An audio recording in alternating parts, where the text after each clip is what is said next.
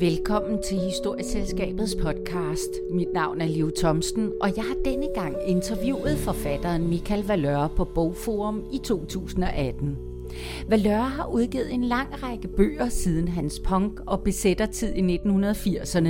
Han er uddannet historiker og har arbejdet med historiefortælling i interaktiv medier siden 1996. Hjemløs er en roman, der bygger på virkelige hændelser under den store march mod København i 1928.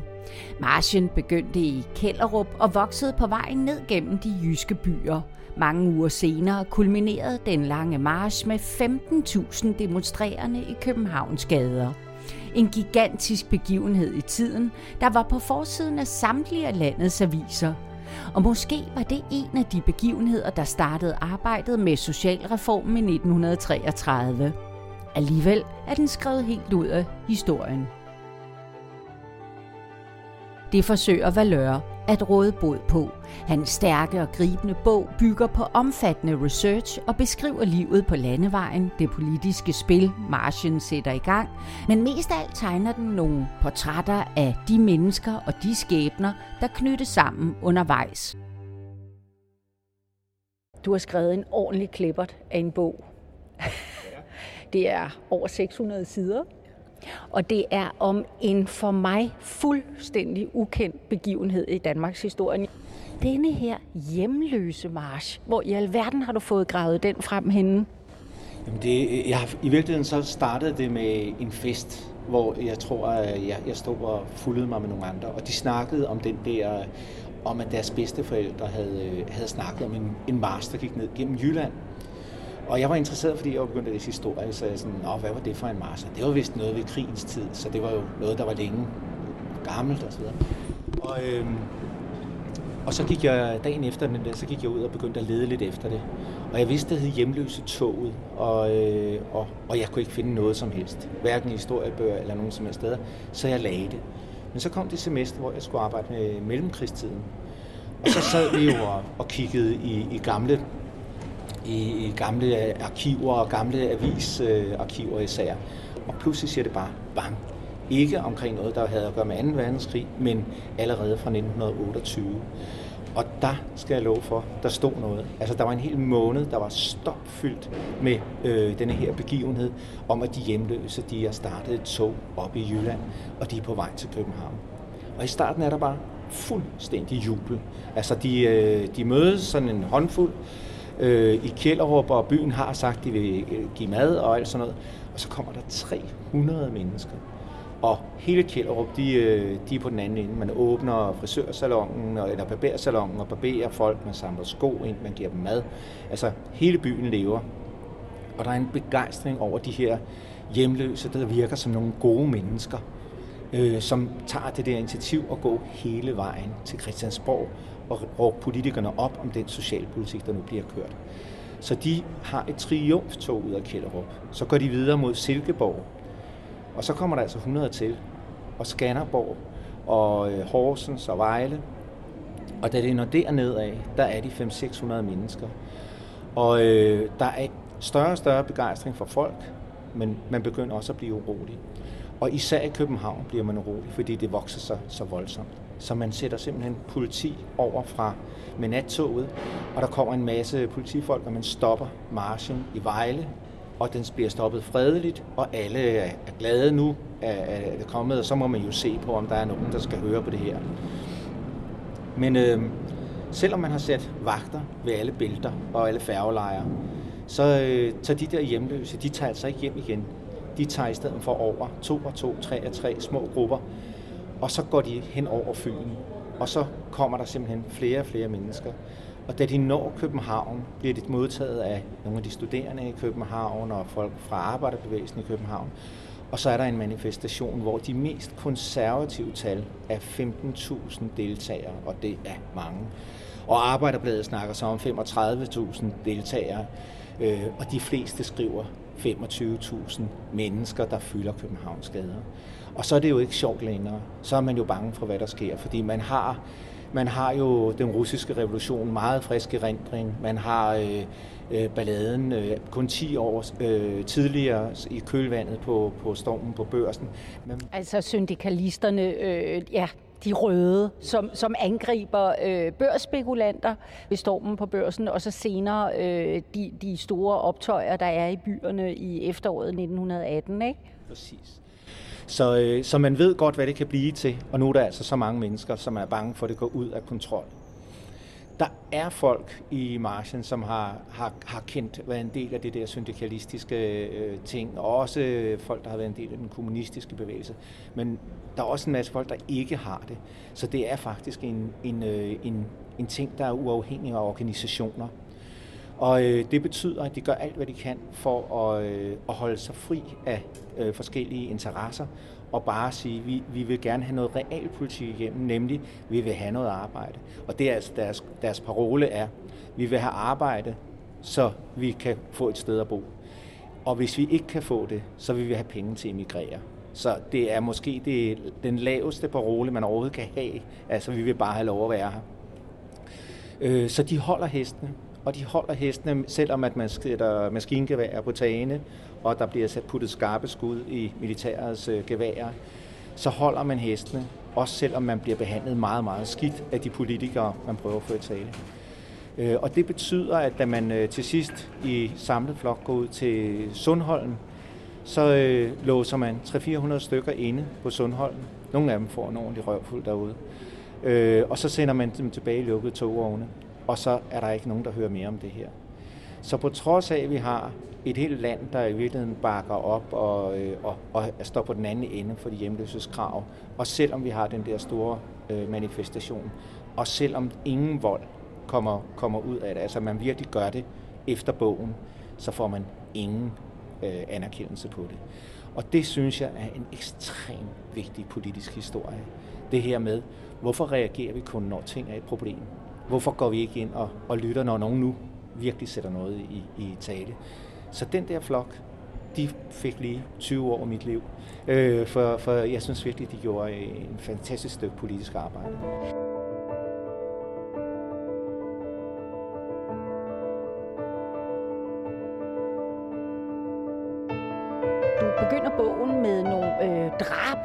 Altså bogstaveligt talt meget, meget voldelige scener, øh, hvor man sidder og tænker, øh, det, det, det er næsten ikke til at bære, fordi øh, de her stakkels hjemløse, det er virkelig øh, øh, samfundets afskum. De bliver tæsket af fiskerne og bønderne, øh, jaget vildt, ikke? Ja, altså det var, øh, nu, jeg har det jo, jeg er lidt forsigtig med at bruge øh, vold som effekt. Men, øh, jeg... Men det har dog en effekt, kan jeg, skulle jeg hilse at sige. ja, men, øh, men jeg, synes, øh, jeg synes, det var på sin plads her. Og, øh, og, og det synes jeg jo, fordi jeg gerne ville vise, hvor udsatte de her mennesker er. Og jeg ville meget gerne have, at min hovedperson startede helt i bunden. Altså hvor der virkelig ikke er noget som helst at tabe mere. Hvor man øh, ikke engang har sin selvrespekt mere. Man har ingenting. Øh, det eneste, han har, det er et par sko, og de går også i stykker. Øhm, og jeg holder det meget. Jeg holder det meget. Der er meget kropslig oplevelse i, i, i meget af, af bogen, øh, hvor jeg virkelig holder til, til ja, kropslige erfaringer, både når det gælder om at få tæv, og når det gælder om at en sko går i stykker. Øh, og det gør jeg for at vise, hvor lidt man tror på sig selv og samfundet og noget som helst. Og det gør jeg jo selvfølgelig, fordi jeg gerne vil vise, hvad der så sker, når de når til Kjellerup. Hvor man lige pludselig møder nogle andre, der er præcis i samme båd som en selv, og opdager at nu er vi sammen, nu er vi 300 mennesker, og lige fra at være ingenting, går vi til at blive noget, der er stort, noget man skriver om i avisen, noget folk synes godt om osv. Så det er også den mentale forandring, der sker. Og, øh, og den vil jeg jo gerne ind på, fordi jeg tror jo, når vi taler om, hvordan man behandler folk, og når man, hvordan man behandler udsatte, der tror jeg jo meget, at vi får de udsatte, vi beder om. Så den der selvrespekt, der kommer, da marchen er der, den synes jeg altså er så fantastisk. Så det er derfor, vi skal have den der kontante øh, begyndelse på bogen, for at øh, det her, det er altså alvor. Det er ikke bare, øh, vi har ikke lige et sted at bo. Det her, det er alvor. Vi har ingenting, simpelthen.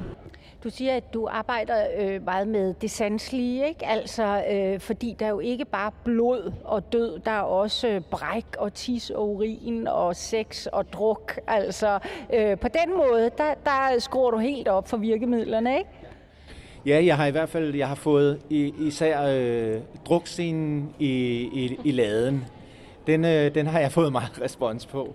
Øh, der var nogen sådan, nej, hvordan kan du lave det her og sådan noget. Og, og øh, der er man jo lidt forsigtig med at sige, at øh, ja, det er jo personlig erfaring eller sådan, men, øh, men selvfølgelig så, så, samler man, øh, så samler man noget. Og, øhm, øh, og, og, og det, det har jeg jo, det har jeg jo så, så gjort. Men jeg tror, vi oplever jo meget i, igennem øh, kroppen.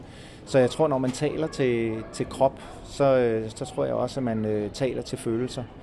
Øh, og, og, øh, og de går så hånd i hånd med, med hvad skal jeg sige, det mere intellektuelle budskab i, i historien. Og det er nok en god idé, fordi at jeg jo gerne vil forene øh, den, den meget korrekte historiske data og ting, som jeg har læst i aviserne. Altså, der er jo hele sekvenser af den her bog, der er taget direkte fra, fra øh, taler, som de beholdt dengang. Og når man skal sætte det sammen med et sprog, som jo er 2018 øh, poetisk sprog, hvad gør man så for at samle det? Hvad er det for noget lim? Hvad er det for noget kit, man kan sætte det sammen med? Og det er blandt andet øh, øh, kropslig erfaring. Det er den, der kan være sådan, det, der kan få det til at hænge sammen. Men det er jo din store udfordring, fordi du har valgt at skrive øh, om en øh, begivenhed i Danmarks historien, og du skal vel, nu siger du, du har læst historie, ikke? Altså så har du også den, hvad skal man sige, respekt over for kilderne, som mange historikere har, øh, og, og den blander du med fiktion. Det må have været en hård, fin balancegang det er en hård, fin balancegang, og hvis sandheden skal frem, ikke, og øh, det skal den jo, når man bliver interviewet, så har jeg jo skrevet hele den her bog først. Øh, 500 sider, øh, som jeg synes ikke fungerede, og som jeg synes ikke ydede situationen retfærdighed. Så de 500 sider blev smidt ud. Så jeg... Og hvad var det? 500 siders fiktion eller 500 sider? Okay. Det var 500 siders fiktion, som jeg skrev oven på det stykke faglitterære arbejde, jeg havde lavet på, for universitetet. Ikke? Og, øh, og det synes jeg simpelthen, det blev for meget, øh, det blev for meget fiktion. Der, der manglede jeg at få det andet med. Og så gik der mange år, så samlede jeg det en gang til. Øh, men der kunne jeg godt mærke, at de to manuskripter sloges, og jeg kunne også mærke, at der kom alt for mange karakterer med. Så øh, den næste version på 500 sider, den blev også kasseret. Og så lavede jeg så, hvad skal jeg sige, da jeg fandt de rigtige greb til at lave det, så lavede jeg så en stor version på, som var 800 sider lang. Og øh, den sendte jeg ud til folk, som hjalp mig med redaktionen. Og øh, de skar alle sammen, havde alle sammen noget, der skulle skære, så havde jeg skåret 200. Så nu har jeg 600 sider skarpt skåret ting, som jeg vidste præcis, hvordan det skulle være. Du kan bedre forstå, at, at den her bog har kostet dig 20 år. Ja. Du, det er en, det, på mange måder det er jo en fletteroman, ikke? Altså, øh, men du har haft endnu flere hovedpersoner. Hvem, hvorfor er der så blevet dem tilbage, der er? Altså, jeg har jo min hovedperson, som er Johannes, øh, som, som står lidt for den, hvad skal jeg sige, moralske habitus hos den hjemløse, ikke? og som virkelig får forandret sig øh, i, i løbet af det, fra at være ingenting til at blive et nyt menneske. Øh, så, har jeg, så har jeg valgt en, øh, en ældre fyr, som øh, er overlevende efter 1. verdenskrig, og som har været i skyttegravene, og som ligesom får vist, hvor meget 1. verdenskrig betyder på det her tidspunkt. Jeg har en øh, kvindelig person med, som hedder Maria, fordi jeg jo hele tiden sidder og sagt, hvad er der blevet af kvinderne? Hvor er de henne? Hvor er de hjemløse kvinder? Altså, hvor er de? Så hun er ligesom øh, den, der arbejder med det. Og så lader Johannes søster være gift med en øh, mand, som øh, er ansat i Socialdemokratiet. Og når jeg siger ansat, så er det sådan lidt meningen, jeg siger det, for han er ikke bare medlem. Han er simpelthen en af dem, der er med til at skabe ny politik på området. Og, øh, og han er en helt bestemt slags socialdemokrat, som jeg tror, vi meget sjældent har portrætteret i øh, litteraturen. Vi kender jo alle sammen øh, Stavning, øh, det her ægte ikon, øh, tobaksarbejderen osv. osv. Men alle os, der arbejder med historisk stykke tid, ved jo godt, at den Stavning findes også. Han er der. Men han er jo også en dreven taktiker, og han ved jo også godt, hvordan det borgerlige, øh, øh, det, det borgerlige samfund fungerer, og, og øh, har, har sans for for den nye tid, der kommer på mange måder, og er måske ikke er meget andet end også bare en arbejder. Og den del, der for eksempel gør det der, de gør også noget for eksempel ved den københavnske bolig øh, ting. De får lavet almen boliger, men de får også lavet ret fine prestigebyggerier rundt omkring på Østerbro. Så den der anden del af Socialdemokratiet, den der, der i virkeligheden måske er med til at bygge øh, velfærdssamfundet op, så det bliver sådan en bredere funderet ting, ham har jeg lige med, og ham har jeg, øh, ham har jeg sat sammen med nogle forskellige figurer. Så han er der også. Altså, det, det er jo stadigvæk, hvad skal man sige, på mange måder et øh, helt nyt demokrati, øh, et, et samfund, som stadig er, hvad skal man sige, hængt op på gamle, gamle magtstrukturer, ikke? Efter den store påskekrise, ikke, så, ja. sidder, så sidder Stavning de der fire år, ikke? Og, der, øh, og, og, og så er det, han rører af. Så vi har Madsen Mygdal ved magten her mm. i, fra 26, og indtil at krakket med Landmandsbanken og Alberti-skandalen og alt det der, får dem til magten igen. Mm. Så det er sådan en, en overgangsperiode. Ikke? Og jeg vil sige, at grunden til, at han kommer til magten igen, er også fordi, at uanset hvad man mener rent politisk, så er det stykke politiske håndværk, Madsen Mygdal laver, meget, meget ringe. Øh, og det er ikke øh, ringe, fordi han er borgerlig og, og vil have et andet samfund, men det er ringe, fordi at han, øh, han fjerner nogle af de her øh, ventiler, som et hvert samfund skal have. Han skærer simpelthen arbejdsløshedskasserne øh, fuldstændig ned til sokkeholderne. Så han rammer ikke bare de laveste i samfundet, men han rammer også den hele, hele generation, der prøver at komme på fod efter øh, Første Verdenskrig, alle de unge mennesker. Så der bliver næsten sendt en hel generation på landevejene der. Og det er også der, hvor vi har Storm P's vagabund. Det er præcis for den der periode. Og det er ikke fordi, at Storm P. synes, at vagabunderne var, var pussy. Det er også fordi, at vagabunden er en enorm vigtig karakter i 28. Så, øh, så, så hele den der, øh, den der ting med, når du gør så mange, når du gør underklassen så stor, så skaber du altså grobund for, at der skal en forandring til.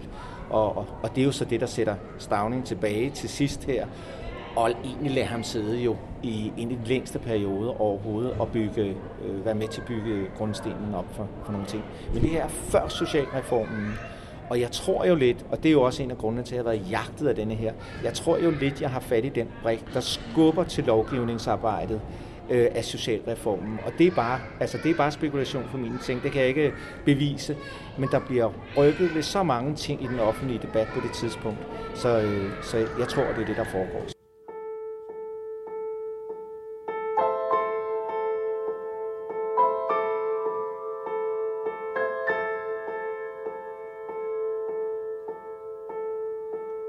Ting er, at der er rigtig mange vagabunder, men der er jo også rigtig mange unge, nærmest børn blandt øh, vagabunderne, blandt øh, de hjemløse. Og der har du jo, ved jeg, samarbejdet med Forsorgsmuseet på et tidspunkt, og har været inspireret af den såkaldte Godhavns-rapport. Og der er nogle frygtelige scener i bogen fra øh, drengehjem, ikke?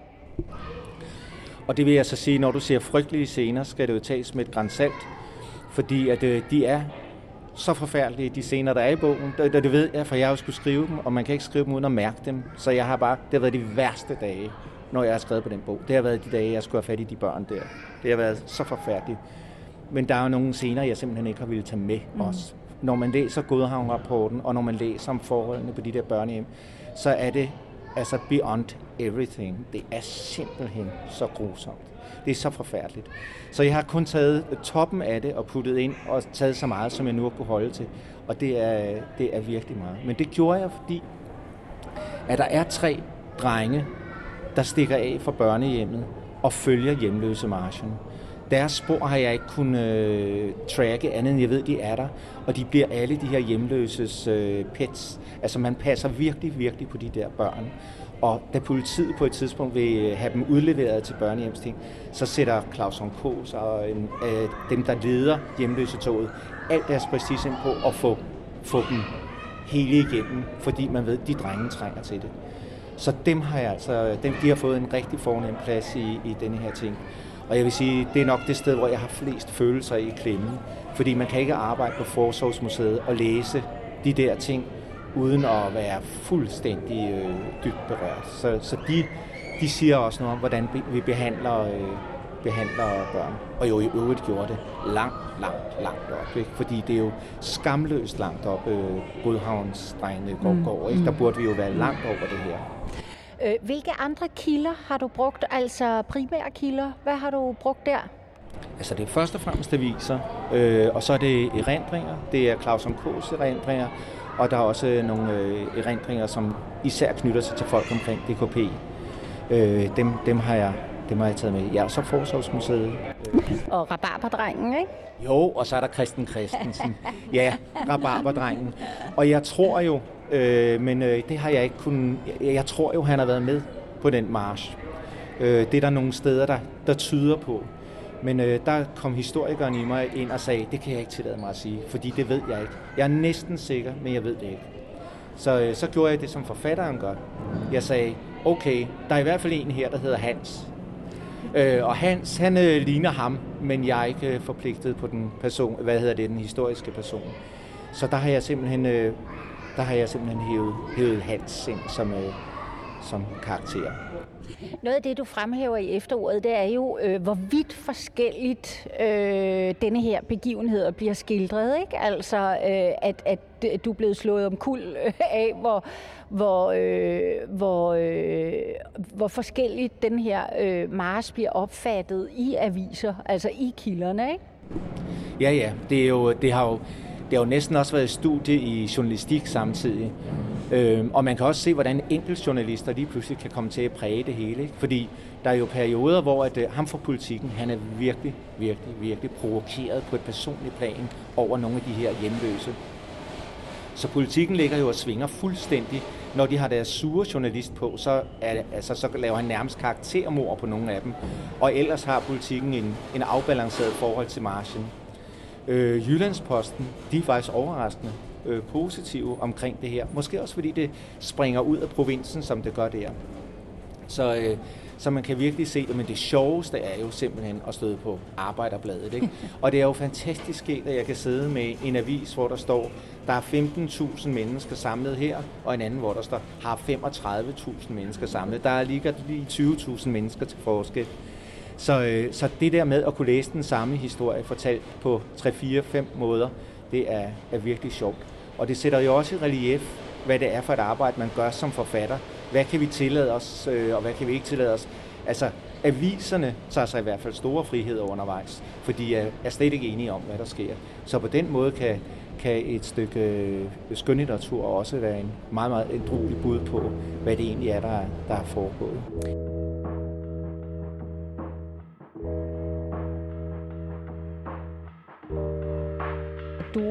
Har haft dine øh, rødder i besætbevægelsen, ikke? i den gamle punkbevægelse, og der er jo, altså det må jo have farvet øh, din øh, fortælling om den her begivenhed, ikke? Altså har det givet dig øh, øh stof til eftertanke?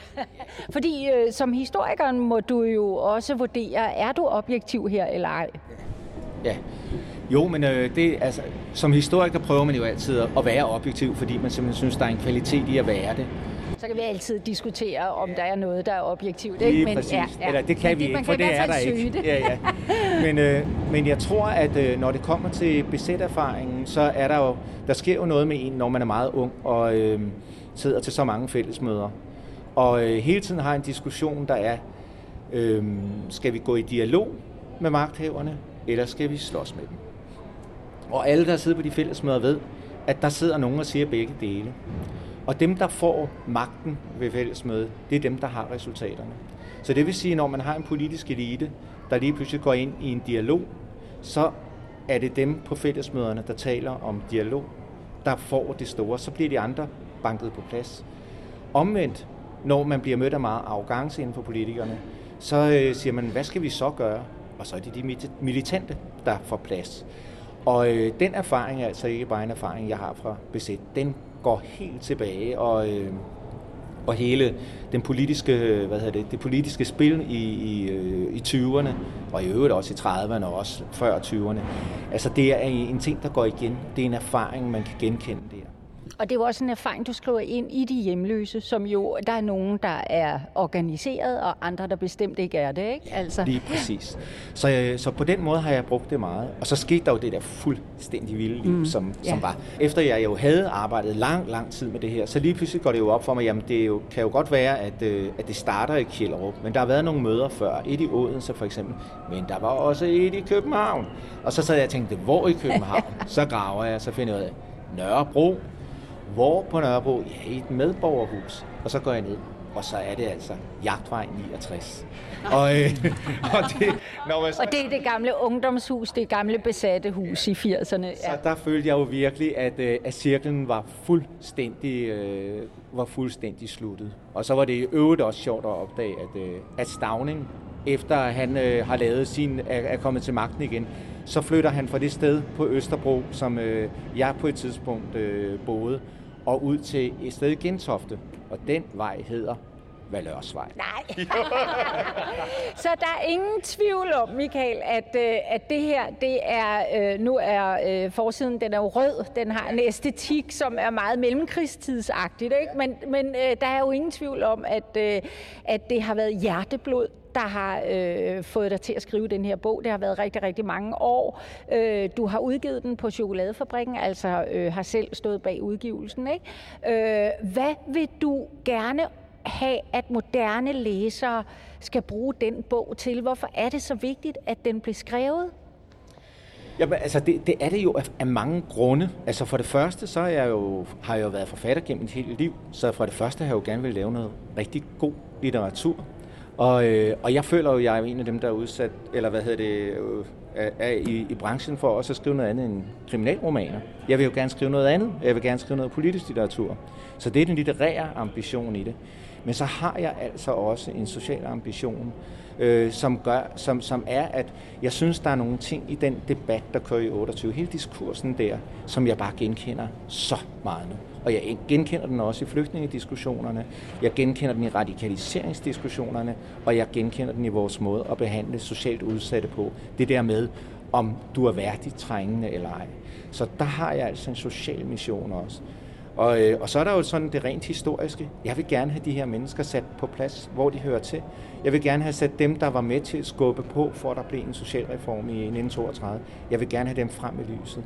Og øh, de er nogle meget vigtige øh, personer. Det er en meget vigtig begivenhed. Så hvis jeg lykkes med det her, så er det den dag, der er nogen, der tager den almindelige Danmarks historie og flytter dem her med. Det behøver kun være et par linjer, men jeg vil gerne have dem genindsat. Og, og man kan sige, at det smukkeste budskab med den bog, den fortælling, er jo netop, at selv de mørbankede, de stigmatiserede, demoniserede, hjemløse, øh, kan tage sig sammen og komme ud på gader og stræder Ja, så burde vi også kunne det, og så burde politikerne lytte. Ja. Altså, de burde lytte til de øh, manifestationer, som, som faktisk foregår efter bogen, for det er det, de altid beder os om. Mm. De siger, lad nu være at smide med sten. Øh, og her er nogen, der ikke gør det, og de bliver lukket ind i nogle lukkede togvogne, efter at have fået nogle tæsk og kørt tilbage til Jylland. Øh, og det kan vi jo godt gøre bedre. Lad det være de sidste ord.